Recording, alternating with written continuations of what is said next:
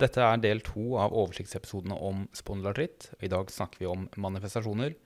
Med meg har jeg fortsatt Maria Skeie Meltveit, sykehjemslege i Stavanger. Jeg anbefaler at man hører episode én før man går videre med denne episoden.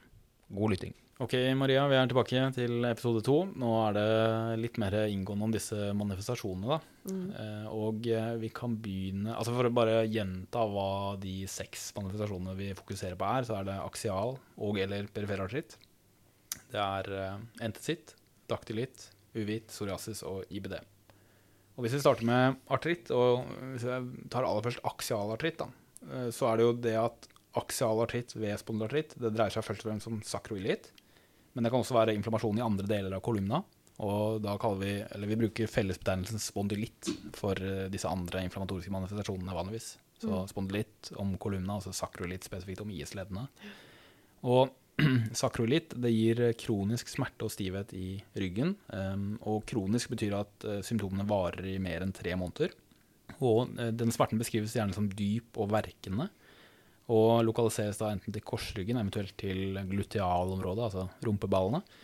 Og gluteale smerter som veksler side, er en ganske typisk beskrivelse fra de som har bilateral sakroilitt. Og den smerten har vanligvis det vi kaller et inflammatorisk preg. Og inflammatorisk pregede ryggsmerter det er definert som smerter som varer i mer enn tre måneder, og som har fire, eller minst fire av fem følgende karakteristikker. Eh, Det første er at det er snikende innsettende smerter. Altså kommer gjerne over noen uker og måneder. Eh, Det andre er at det debuterer før 40 års alder. Det tredje er at det blir bedre ved aktivitet. Det fjerde er at det er ingen bedring i hvile. Og det femte er smerte på natten. Så snikende innsettende, debut før 40 år, bedring ved aktivitet, ingen bedring i hvile og smerte på natten. Og minst fire av de fem for at man skal måtte, formelt kalle det inflammatorisk pregede smerter. Det er ikke sånn at man sitter med den sjekklisten, det er mer at du har en slags magefølelse, selvfølgelig, da, men, men det er sånn forskningsmessig også en definisjon som er mye brukt. Og disse de har um, morgenstivhet vanligvis av mer enn 30 minutters varighet, ofte mange timer. Og mm, langvarig inaktivitet gjør den smerten og stivheten ofte verre. Da. Så hvis de sitter lenge for eksempel på skole eller på jobb, så må de jo ofte ta liksom, en pause, reise seg, løsne litt opp um, for, å, for å lindre plagene. På samme måte så kan inaktivitet eh, under søvn gjøre også at uh, smerten og stivheten forverres gjennom natten, da, særlig til andre halvdel av natten, hvor mange opplever at de våkner faktisk av smerten og må reise seg fra sengen og gå, gå litt rundt på rommet for å, for å få det bedre. Og i tillegg så er det sånn at um, dette er jo inflammatorisk drevete smerter, ikke sant? Og det betyr også at mange av disse rapporterer veldig god effekt av, av NSAIDs, så, så det er et spørsmål man ofte også tar med gjennom nesen her, og høre hvor god effekt er det egentlig av det, hvis jeg har tatt det i adekvate doser da. Men uh, inflammatorisk pregede ryggssmerter det er ikke spesifikt for sakroilitt. Uh, det er heller ikke så veldig, det er ikke 100 sensitivt heller. Så det, er rundt, det rapporteres hos rundt 80% av personer med sakroilitt. Og så rapporteres det hos om lag 20% av pasienter som har mekanisk årsak til ryggsmertene sine. Så det går veldig fint an å ha inflammatorisk pregede ryggsmerter uten å ha sakroilitt. Og så er det også en andel som har sakroilitt uten å ha så veldig inflammatorisk preg av smertene også, da. Men eh, av de revmatologiske sykdommene så er det i praksis kun spondylartritt som gir sakroilitt. Så hvis man får påvist sakroilitt, så er det først og fremst disse spondylartrittene vi tenker på da. Eller det er, det er de vi tenker på. Eh, og, og hvis man skal splitte spondylartritt inn i ulike diagnoser, eh, sånn som splitterne gjør, så kan vi si at aksial spondylartritt eh, debuterer tilnærmet alltid før 45 års alder. Ofte i 20-årene. Og aksialspondylartritt er jo derfor ikke en relevant differensialdiagnose ved nyoppståtte ryggsmerter hos en person som er over 45 år, vanligvis. da. Mens sakrolitt ved de andre entitetene, altså psoriasisartritt, reaktiv artritt og IBD-assosiert spondylartritt, det kan oppstå i alle aldre, egentlig. Og eh, spondylartritt, eh, som vi snakket om sist, det kan jo gi både osteodestruksjon, altså erosjoner, eh, men også osteoproliferasjon, altså bennydannelse. Og eh, hos de med sakrolitt som en del av spondylartritt, så vil det kunne hos noen vises på eh, radiologiske undersøkelser av IS-ledd. Og før så brukte vi røntgen av IS-ledd, men den undersøkelsen har veldig mange begrensninger. Eh, Så for det første så er den veldig vanskelig å tolke. Eh, For det andre så er det ikke alle med sakroilitt og spondylartritt eh, som utvikler disse strukturelle forandringene som er synlige på røntgen. Og av de som utvikler det, så det vanlig, ses det vanligvis først etter måte, 6, 7, 8, 9, 10 års sykdom. Mm. Og pga. de begrensningene der, så bruker vi nesten ikke røntgen av IS-ledd lenger for diagnostikk av denne sykdommen. Eh, nå utredes sakrolitt med MR av IS-ledd. Og MR kan avdekke ulike funn. Eh, det kan avdekke beinmarksødem på ilium- og- eller sakrumsiden av IS-leddene, som Mm. vil være uttrykk for aktiv informasjon, altså aktiv sakroilitt. MR kan også avdekke fettinfiltrasjon i de samme stedene, som eh, tenkes å være uttrykk for en sånn postinflamatorisk eh, reparasjonsprosess. Mm. Eh, altså at det er, eh, har vært aktiv sakroilitt der tidligere. Og senere i forløpet, eh, og hos noen, så kan MR også vise strukturelle forandringer. Eh, Da kan man se både osteodestruksjon, altså erosjoner, og, men også eventuelt osteoproliferasjon med beinutdannelse og, og i ytterste konsekvens full ankylose av IS-leddene. Mm. Vi skal snakke litt mer om MR og røntgen av IS-leddene om- i denne episoden som er spesifikt om aksialspondylaritt. Men, men bare for å ta det nå allerede. altså MR har veldig høy sensitivitet for sakroilitt, men spesifisiteten er ganske dårlig. Mm. Så sånn beinmargsødem som ligner på aktiv sakroilitt, kan ses etter traume og etter belastning. Mm. Så beinmargsødem som ligner på uh, den sakroilitten som ses ved spondylaritt, er beskrevet hos uh, friske idrettsutøvere, hos uh, mosjonister, hos kvinner som nylig har født. Eh, det er også beskrevet hos pasienter med mekanisk årsak til ryggsmerte, Mm. og hos eh, friske eh, frivillige uten ryggsmerter Mm. overhodet. Så MR-funn må, må det alltid tolkes i sammenheng med klinikken, selvfølgelig. Og også at det helst eh, vurderes av radiologer som har mye erfaring med å vurdere disse tingene og skille det ene fra det andre, hvis mulig. Mm. Og så er det jo det at hvis du har beinmargsødem i kombinasjon med strukturelle forandringer, som ligner på, eh, på de man ser ved spondylartritt, altså osteodestruksjon eller osteoproliferasjon, så vil jo det selvfølgelig styrke mistanken om at det er det det dreier seg om, fremfor en sånn mer uskyldig, forbigående eh, re prosess eh, relatert til f.eks. aktivitet eller traume. Mm.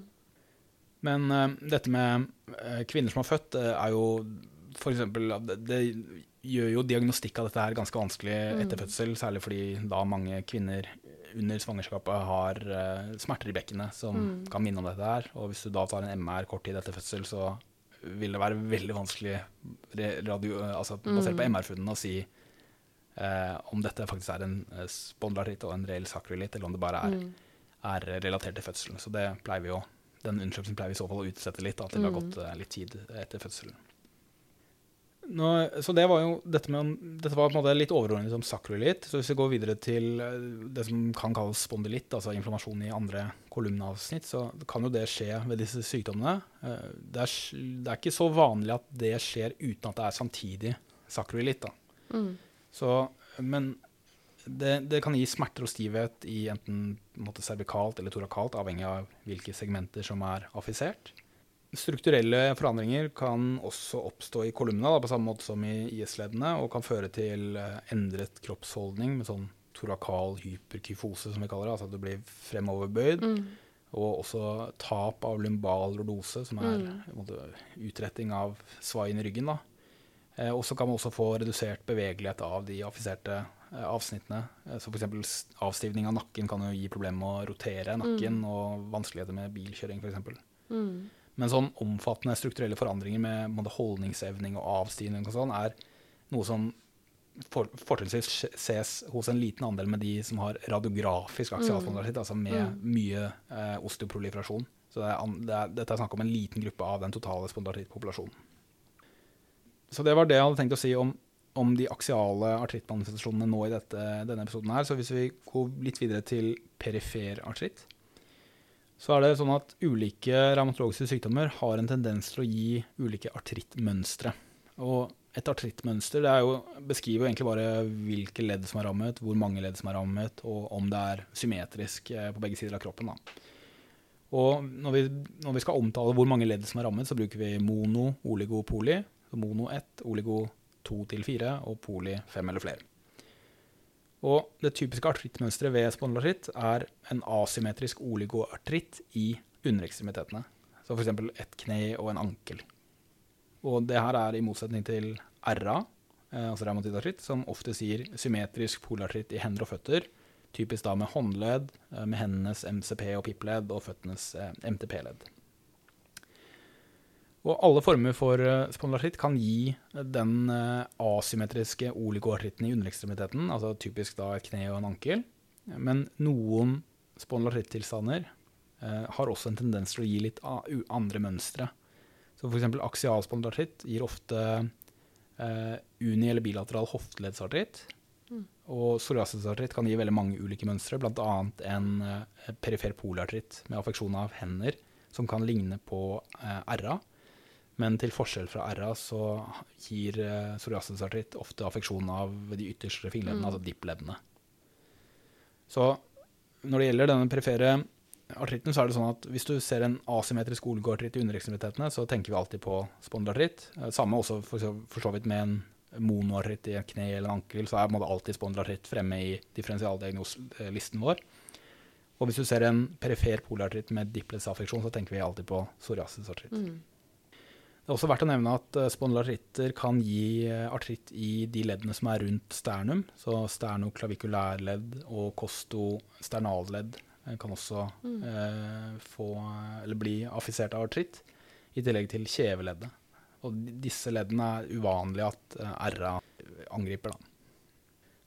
Det var det om perifer artritt for eh, denne episoden. Neste manifestasjon er jo entesitt. Det kan som sagt oppstå både aksialt og perifert. Og et klassisk eksempel på entesitt ved spondylartritt er festet til akilleshælen og eh, festet til plantarfascien. Og det gir smerter hvis man går på hardt underlag, og øh, særlig de første skrittene på morgenen. Mm. Og øh, ved en entesitt så vil klinisk undersøkelse vise at det er palpasjonsømhet i entesen. Det er veldig sjelden man ser en sikker hevelse eller rødme i entesen, men hvis man gjør det, så er det veldig sterk mistanke om at det faktisk er en entesitt. Da. Istedenfor en vanlig akillestendinitt. Ja, og det er øh, godt du sier, Ja. fordi dette er veldig viktig å understreke det at sånne eh, plager fra enteser og En ting er senene, men hvis vi også bare fokuserer på entesene, så kan plager fra entesene ha inflammatorisk årsak, eller en ikke-inflammatorisk årsak. Mm. Altså f.eks. overbelastning, feilbelastning Mm. eller bare degenerasjon. Og eh, hvis det er en inflammatorisk bakenforliggende årsak, som, som f.eks. ved spondylartritt, så kaller vi det gjerne entesitt. Mm. Mens de andre er kanskje best å kalle sånn ikke-inflammatorisk entesopati, eller noe Ja. tilsvarende. Mm. Og disse ikke-inflammatoriske entesopatiene er jo veldig vanlige i befolkningen. Ja. Så hvis man sitter på allmennlegekontoret, Ja. eh, så er det sånn at de fleste som har entesiale plager, de har jo ikke underliggende spondylartritt. Mm. Så eksempel en ikke-inflammatorisk betinget smerte i eh, entesen til plantarfascien kalles jo gjerne plantarfasitt, eh, som ville indikere at det er inflammasjon, men i de fleste tilfellene så er jo det bare sånn Mm. degenerativt betinget, da. Ja. Men du sa at det var sjeldent med rødme Nei, altså at det, hvis det var inflammatorisk, så var det oftere rødme og Nei, det, det er sånn- sjelden at man ser det. Okay, Eh, Men ja. hvis man ser det, så er man på en måte mer trygg på at dette her er den inflammatoriske formen for en enteseplage, altså en Ja. entesitt. Men de fleste med entesitt har ikke hevelse har ikke rødme. Men det du catcher det med da, er bildediagnostikk. ja. Så hvis du gjør ultralyd, eh, så vil du ved en entesitt, altså en inflammasjonsdrevet prosess, ved spondylartritt f.eks., så vil du se at det er eh, økt dobbeltsignal akkurat i overgangen mellom entesen og beinet. Mm. Og det er trolig fordi det rekrutteres immunceller fra beinmargen under der, opp i entesen. Mm. Så det blir sånn dilatasjon av de transkortikale årene som det heter. Opp i entesen kommer masse immunceller fra beinmargen. Og det kan man da se med, med Mm. eh, ultralyden. Mens ved en ikke-inflammatorisk entesopati, så vil man ikke se det dobbeltsignalet helt i Mm. overgangen der. Mm. Og eh, hvis man gjør MR også, så vil man også kunne se beinmargsødem ved entesen, som er da uttrykk for den der prosessen der, med at det er immunaktivering ja. i underliggende beinmargen. Men for allmennlegen, tror du at de, de hadde hatt blikk for å se det på ultralyd hvis de hadde hatt det? Eh, altså, de kunne helt sikkert lært seg det, men jeg tror at Jeg vil ikke påstå at alle pasienter med plager fra entesene skal ha bildediagnostikk Ja. av entesen sin. Mm. Det tror jeg ikke er hensiktsmessig bruk av ressurser. Og eh, dette med entesene eh, kommer jo vanligvis som en tilleggsfenomen Ja. til andre ting Mm, ved denne sykdommen mm. her. Så selv om man kan få diagnosen basert på entesitt uten de andre artikulære plagene, altså uten artritt, så er det veldig sjelden ja. uh, at man gjør det, da. Altså, De Mm. fleste vil nok vegre seg for å stille diagnosen basert på Ja. en tese alene, fordi det er vanskelig å skille dette her. Mm. Så det er ikke sånn at folk som har plager fra entesene, uh, skal henvises til revmatolog og avgjøre om det er en entesitt eller uh, Nei, en nei, nei. Ikke sant? Det er Eh, mer, mer sånn hvis du har en litt sånn sær interesse for det. Ja. Ja, og jeg er helt sikker på at man da kunne lært seg å Ja. se på det. Fordi det krever jo, krever jo bare litt grann mengdetrening. Ja. Og det er ikke vanskelig å fremstille f.eks. NTS-en til akilleshælen. Det Mm. ligger jo ganske lett eh, tilgjengelig. Mm. Eh, Og så må man bare ha sett nok til å være trygg på eh, de funnene man gjør. da. Mm. Jeg tror på en måte ikke der, der, Jeg tror ikke det er der skoen trykker. Eh, noen diagnostisk eh, sett eller henvisningsmessig. Disse pasientene kommer til oss med andre ting. Ja. Altså De kommer til oss med ryggsmerter Ja. eller eh, mistanke om eh, perifer artritt, og så Mm. er entesitten vanligvis et tilleggsaspekt Mm. av det.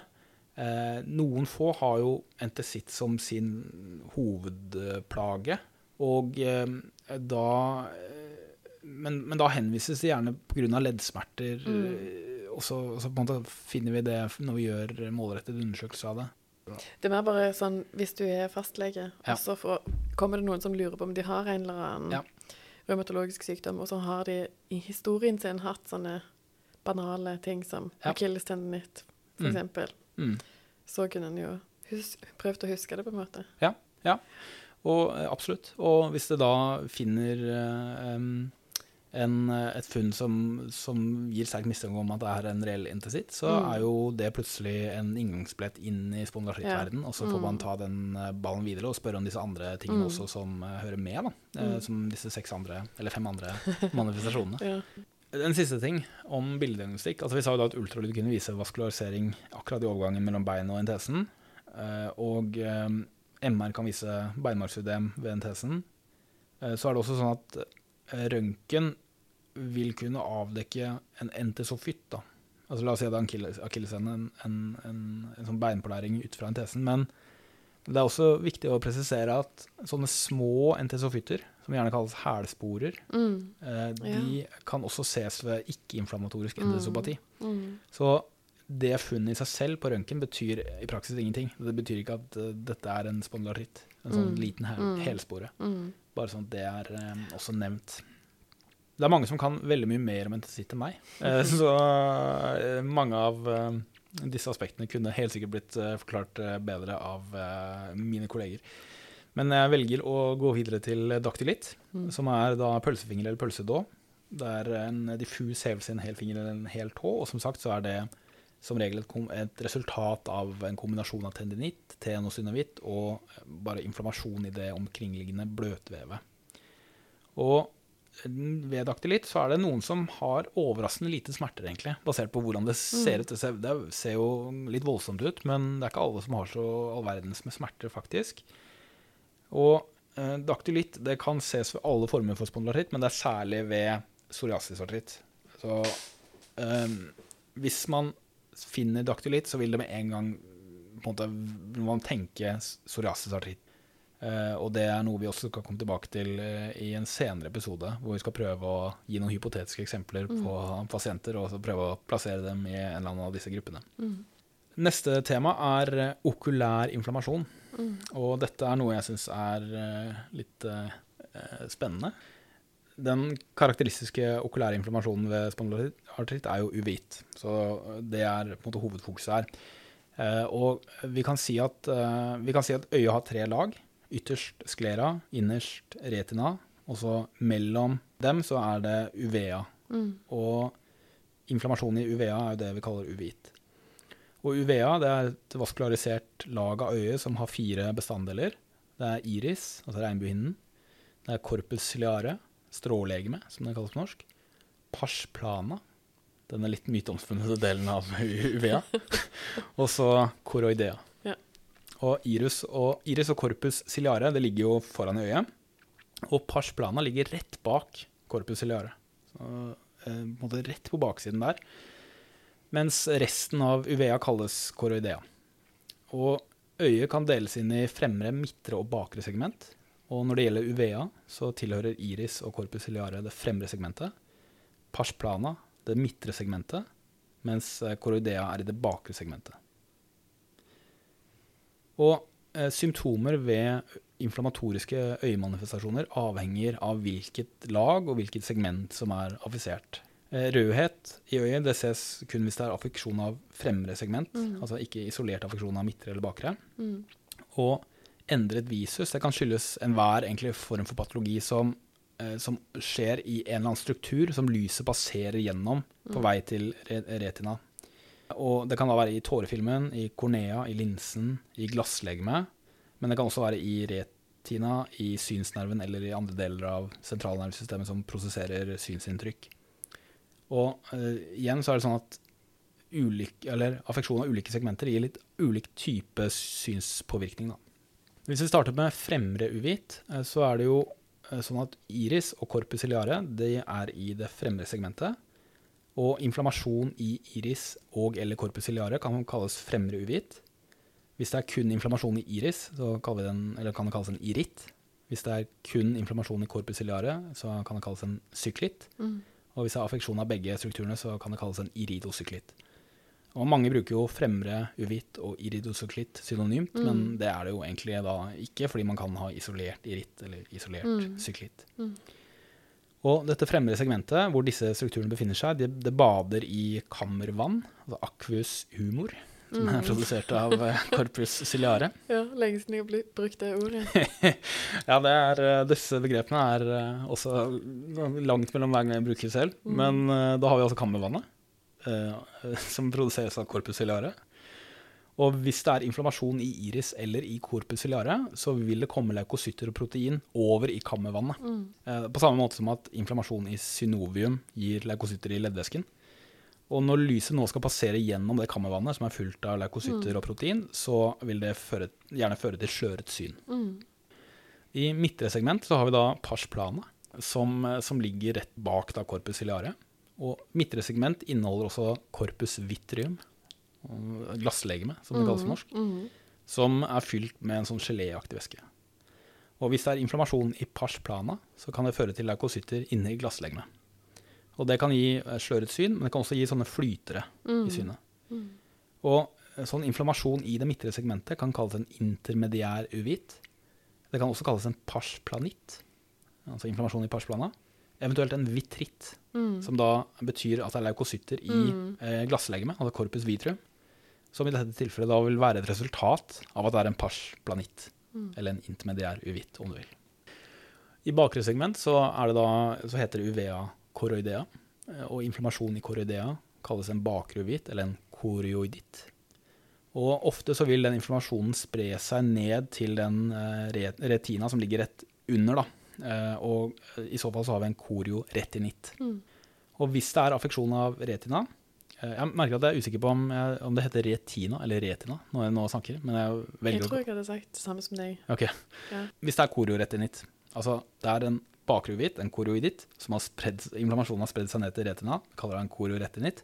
Og hvis det er det, affeksjon av eh, retina, så vil man kunne få sløret syn, men også synstap. Man kan Mm. få skotomer, som er sånn flekkvise synsfeltutfall. Man kan få endret fargesyn, og man kan få metamorfopsi, Mm. Eh, som er at rette linjer blir bøyde. Mm. Så altså fremruvitt, det er affeksjon av iris og eller corpus ciliare. Kalles fremruvitt, eventuelt iritt, syklitt eller iridosyklitt, avhengig av affiserte strukturer. Jeg foretrekker å bare kalle det fremruvitt. Mm. Eh, Det kan gi smerter, rødhet, sløret syn. Eh, Intermediæruvitt, det er affeksjon av parsplana. Kan også kalles parsplanitt eller vitritt. Jeg foretrekker å kalle det intermediær uvitt. Eh, Og det kan gi sløret syn og flytere. Bakruvitt, er affeksjon av koroidea, ofte med affeksjon av underliggende retina. Det kalles da koroiditt, eventuelt korioretinitt, avhengig av angrepte strukturer. Og det kan gi sløret syn, synstap, skotomer, endret fargesyn og metamorfopsi. Og eh, begrepet panuvitt betyr jo at det er affeksjon av alle tre lagene, eh, eller alle tre segmentene, mener jeg, av UVA. Og det gir da en, en, kombinasjon av disse symptomene. Mm. Og i tillegg til den inndelingen der, som er basert på hvilket eh, segment av øyet som er affisert, så kan man også dele inn uvit i akutt eller kronisk uvit. Og ved akutt uvit så går inflammasjonen over i løpet av tre måneder, enten av seg selv eller um, gjennom behandling.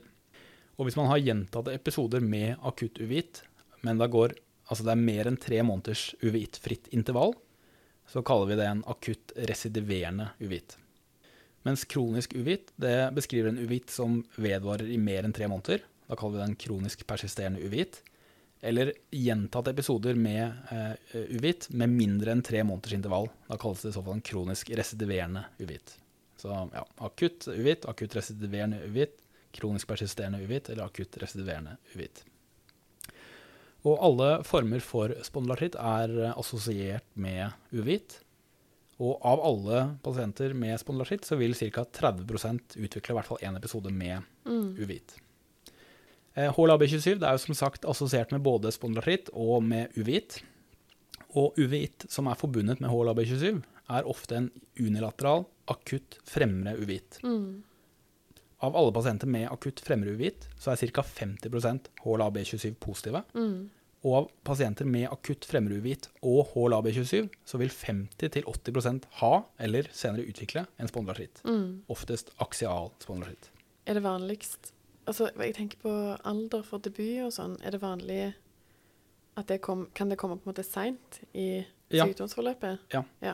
Så lang sykdomsvarighet er faktisk en risikofaktor for uveitt hos Mm. pasienter med aksial spondylartritt. Eh, Så det kan skje sent. Mm. Og em, det er jo rundt, altså hvis vi ser på aksialspondylartritt eh, alene, eh, så er det vi sa at av alle så vil ca. en tredjedel få uvit. Når vi ser på aksialspondylartritt alene, så er det rundt 40% som får eh, minst en episode med akutt fremre uveitt. Og omtrent halvparten av disse får senere et residiv, Mm. altså da eh, akutt eh, residiverende uvit, stort sett, da, Mm. med eh, lengre symptomfrie intervaller imellom. Mm. Og residiv kan oppstå i det samme øyet, eventuelt i kontralateralt øye, men bilateral uvit er uvanlig, da. Ja. Så er det som regel bare ett øye av gangen. Mm. Og eh, når det gjelder de andre tilstandene, så er det sånn at eh, eh, reaktiv artritt er jo av de andre den tilstanden som er sterkest assosiert med HLA-B27. Eh, som vi sa i introepisoden, så er det av de med aksialspondartritt rundt 90% som har HLA-B27. Reaktiv artritt er kanskje rundt 70, mens de psoriasisartritt og IBD-assosiert eh, spondylartritt rundt 50% som har HLA-B27. Mm. Så reaktiv artritt er eh, også, i likhet med aksialspondylartritt, forbundet med en akutt fremre uvit, men de kan også få en steril konjunktivitt, som vi Mm. skal komme litt Ja. tilbake til. Når det gjelder psoriasisartritt og IBD-assosiert spondylartritt, så er dette tilstander som i mindre grad er assosiert med HLA-B27, i den forstand at det er færre av pasientene som har det genet. Da. Og disse tilstandene har eh, da også en lavere forekomst av uvit, fordi denne sammenhengen mellom HLA-B27 og uveitt. Og i tillegg så er det sånn at uveitt ved psoriasisartritt og IBD-assosiert spondylartritt eh, kan arte seg som en akutt fremmeruveitt som ligner på den man ser ved aksial spondylartritt. Men det er vel så vanlig at de har en bilateral kronisk bakre Mm. altså helt motsatt egentlig, eh, eh, enn de andre. Og den Mm. formen for uveitt, altså bakre, eh, bakre, bilateral bakre hos spondylartrittpasienter ses særlig hos HLA-B27-negative okay. pasienter med, med mm, psoriasisartritt og eh, eh, IBD-assosiert spondylartritt. Men eh, smerte, er det vondt?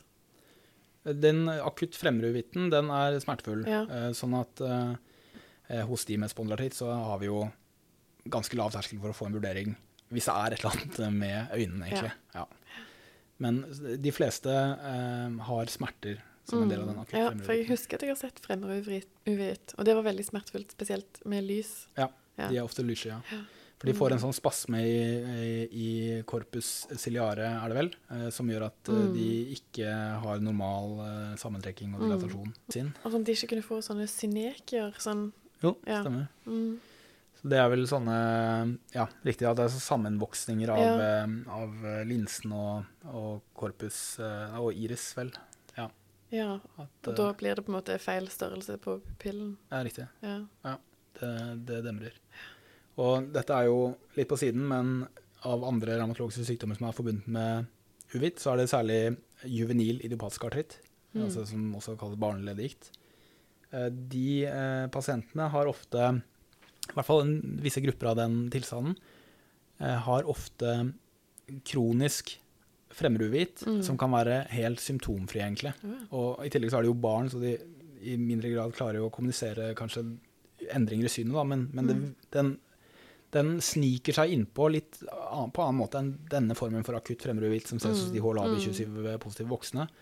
Så hos de barna så gjøres sånn regelmessig øyelegeundersøkelse Ja. eh, faktisk for å fange opp det tidlig, fordi de eh, kan gå med det lenge uten at det fanges opp, og få Ja. masse synekier og masse katarakter og, og problemer med øynene. Mm. Men uh, det er litt på siden. Uh, nå roter vi oss inn i øyeverden. Det er jo alltid fare for det når man begynner å snakke om synekier og pars plana. Men eh, da, oppsummert så er det da akutt fremmeruvitt, særlig hos de HLA-B27-positive, og særlig hos aksial spondylartritt. Det er de, veldig mange som vil få det. Og så det faktum at eh, man må huske på at disse mm, eh, psoriasisartritt eh, og IBD-assosierte spondylartrittpasientene, særlig de HLA-B27-negative, kan også utvikle en, en litt annen form for uvitt, da, med denne bilaterale kroniske bakre uvitten. Så det å, hvis det er nye påfallende øyesymptomer, selv uten rødhet i øyet, mener jeg bør kvalifisere for en øyelegevurdering hos disse pasientene som da har en sånn Mm. Predileksjon for å få alvorlige øyemanifestasjoner. Da. Men før vi forlater øyet for denne gang, så bare litt kort om eh, konjunktivitt. Da. Fordi som sagt så kan det ses ved, ved spondylartritt, og først og fremst ved reaktiv artritt.